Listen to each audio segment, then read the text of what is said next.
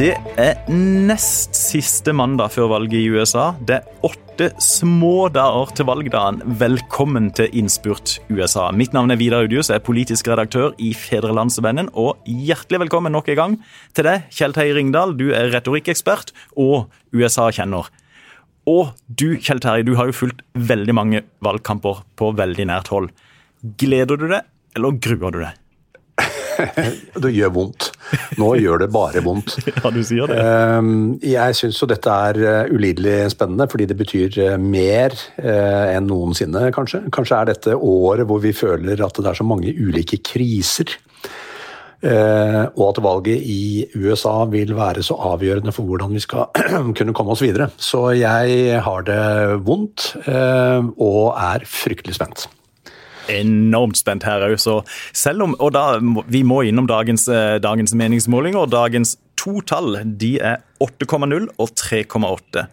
8,0 det er det Biden leder med på eh, landsbasis. Gjennomsnittet av nasjonale målinger har vært veldig stabilt.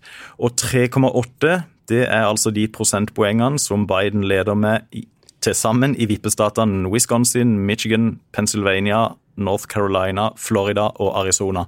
De delstatene hvor vi regner med at valget faktisk blir avgjort. Så der er ledelsen ja, han er relativt tydelig, men også tydelig mindre enn på landsplan. Så det er vel også med å gjøre det vondt, kanskje? Ja, det bidrar jo til det. Ikke minst fordi eh, de positive landsmålingstallene kan jo forlede en til å tro at uh, da går det fint. Men uh, alle som hører på denne podkasten, vet nok at det er ikke de nasjonale tallene som betyr noe som helst. Det er eh, i delstatene at slaget står. Mm. Og Samtidig så har jo hele 60 millioner amerikanere har nå i snakkende stund forhåndsstemt. Det er jo flere enn eh, tallet var i hele 2016-valgkampen. Eh, så regner han vel med at det er flest demokrater, men igjen så skal disse stemmene telles opp. Det kan ta tid osv. Så, videre, så det øker jo egentlig bare dramatikken her inn mot, eh, inn mot kåringen av den endelige, endelige vinneren. Ja, det gjør det. To til tre millioner, altså flere enn på tilsvarende tidspunkt i, i 2016. Så alt tyder jo på voldsomt uh, frammøte. Og da kan jo selvfølgelig man lure på er det hos demokratene man har mobilisert, eller er det hos republikanerne? Og her vet man jo ikke. Nei, rett og slett. Blant de mange ting vi ikke vet. Men det vi vet, det er dagens tema, hovedtema, Kjell Terje. Og det er altså kandidatenes alder. Og jeg vet ikke hvordan det er med det, men et av de spørsmålene som jeg oftest får, det er hvorfor stiller det opp to så gamle menn som presidentkandidater? Har ikke et stort land som USA noen bedre? Eh, og du er jo opptatt av, av retorikken, Kjell Terje. Hva, hva, tenker du om de to kandidatenes alder i lys av det aspektet? Ja, og det er jo klart, det er veldig lett å lure eh, på hvorfor, hvorfor er det så voksne menn eh, som, som, stiller. Og det, og det, kan man jo lure på, ikke minst fordi kanskje i norsk politikk så er det jo da stort sett veldig unge mennesker som eh, som eh, sitter som statsråder og til og med som statsministre. Eh, rådgiverkorpsene er unge, mens det altså er stikk motsatt i eh, USA. Og Det kan jo være interessant å, å, fundere litt på. Jeg tror jo for min del at en av de store forklaringsmodellene her er hvordan partiene fungerer. Altså, her er det jo i USA, ikke som i Norge, hvor det er partiene som har stålkontroll med hvem som skal bli representanter. Det er nesten fritt fram eh, for de som har penger, lyst og makt til å stille opp. Og da kanskje med stikkordet penger. Eh, og de som har mye penger, har ofte holdt på en stund og tjent penger.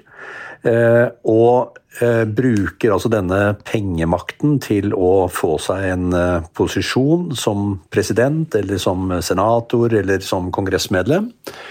Og at det er helt unntaksvis at folk kommer opp fra grasrota, fra intet. Sånn som man jo egentlig da kan på mange måter i Norge. AOC, som man kaller henne, Alexandria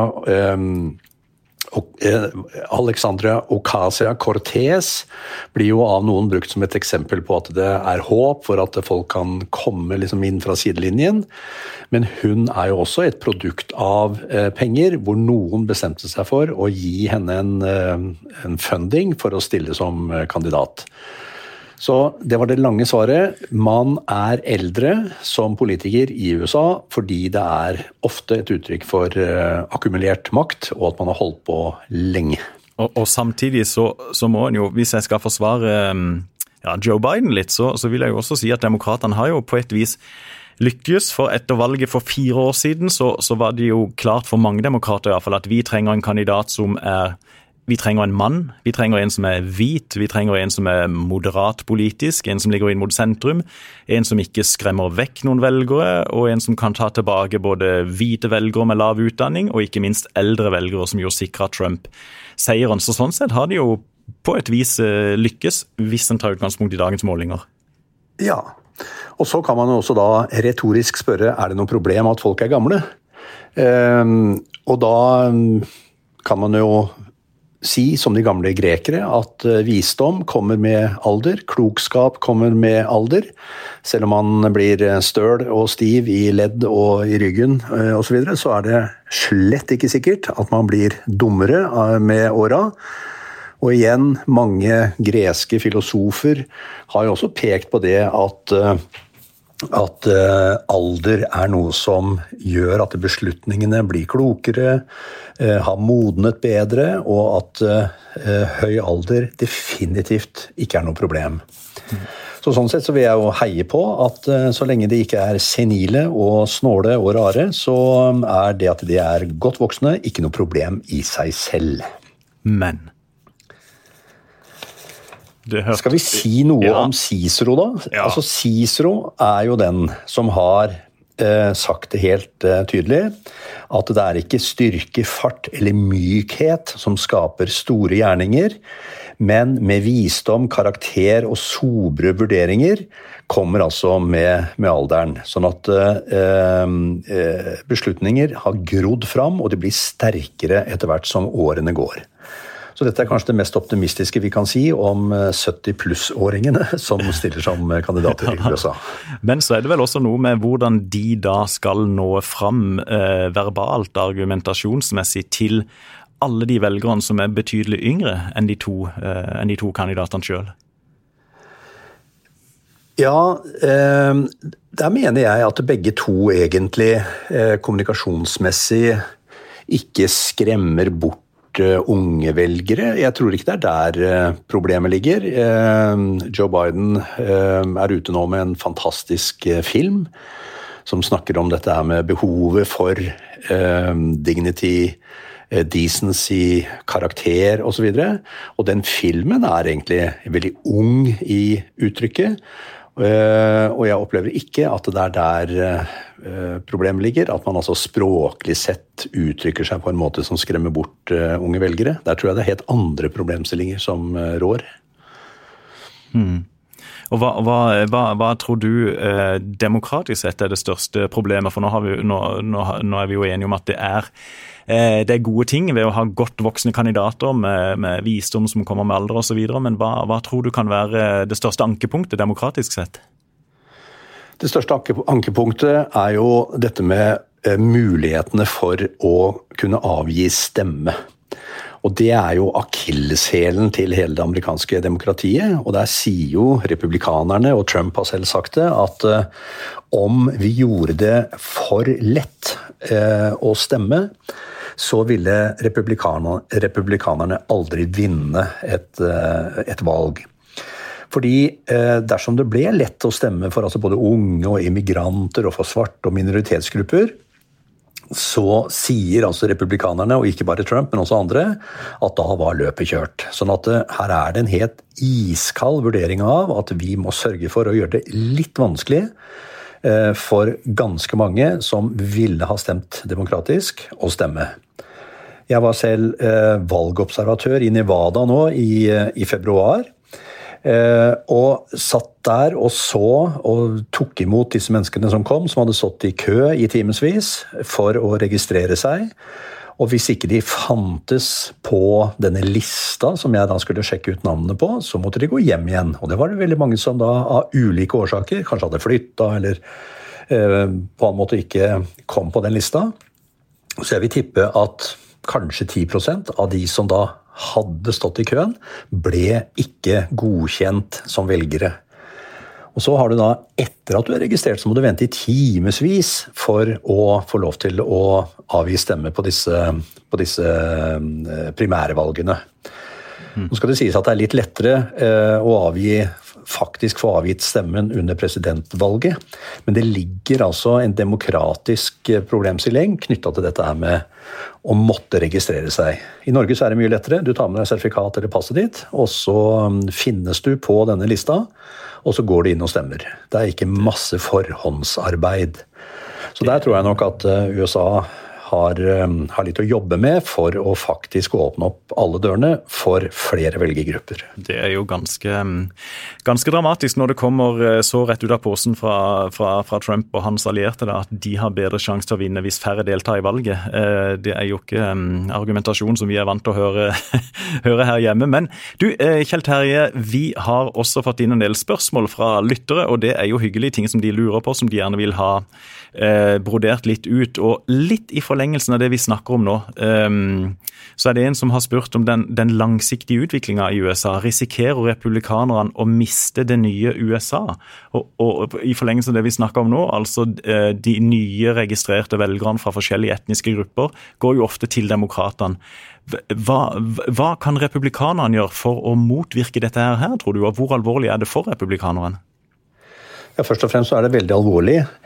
Eh, og en av de store republikanske tenkerne er jo David Frum, som, eh, som tidligere var eh, taleskriver og strateg for George Bush. Og David Frum er jo en moderat, konservativ ja, skal si, høyremann, da, sett med norske øyne. Og det han har sagt nå i 15, snart 20 år, er at det republikanske partiet må reformeres. Man må tenke annerledes, man må gjøre noe med politikken. Og Det han har sagt, er nettopp det som det kloke spørsmålet eh, trekker i retning av. Hva gjør vi med det nye USA, som forandrer seg fra dag til dag? Hvor det, altså, det renner inn med nye eh, grupper mennesker som vil stemme demokratisk.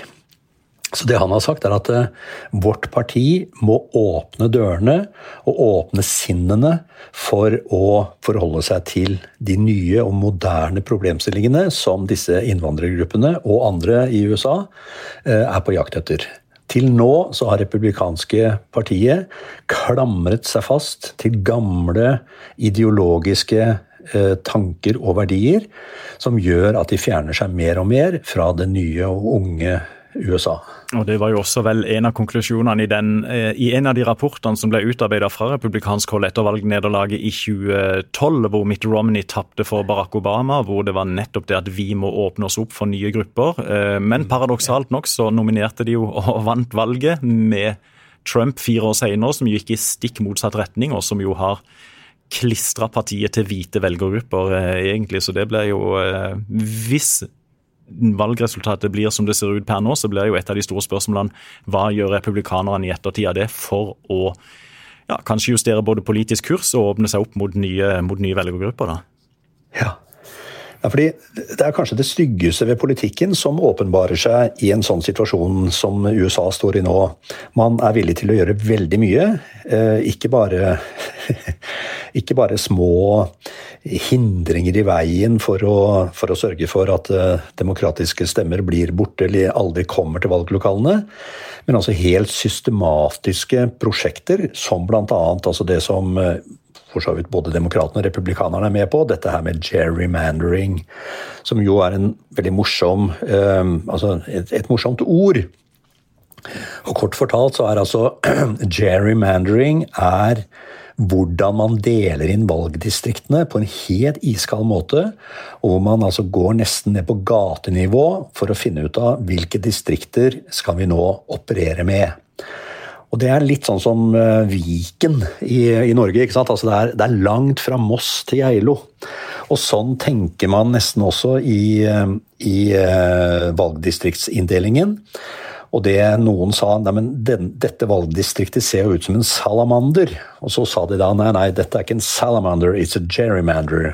Fordi det var altså en guvernør som het Jerry, som fant opp dette prosjektet med å dele inn valgdistriktene så finurlig at det tjente enten demokratene eller republikanerne, alt avhengig av hvem som sitter med makten. Og også derfor er det jo enormt viktig eh, å vinne makten både sentralt og rundt forbi i delstatene i USA denne gangen. Så det, eh, det er jo en ny, en ny twist på, på, på, på, dramatikken her. Så. Men Kjell Terje, tida har rett og slett gått med vårt eh, tilmålte mm, kvarter. Vi sier takk for oss i denne runden, så er vi tilbake om et par dager. Og da er det mindre enn ei uke igjen til valget, så eh, vi må bare si følg med til alle våre lyttere. Og tusen takk nok en gang til deg, Kjell Terje Ringdal. I like måte. Tusen takk for i dag.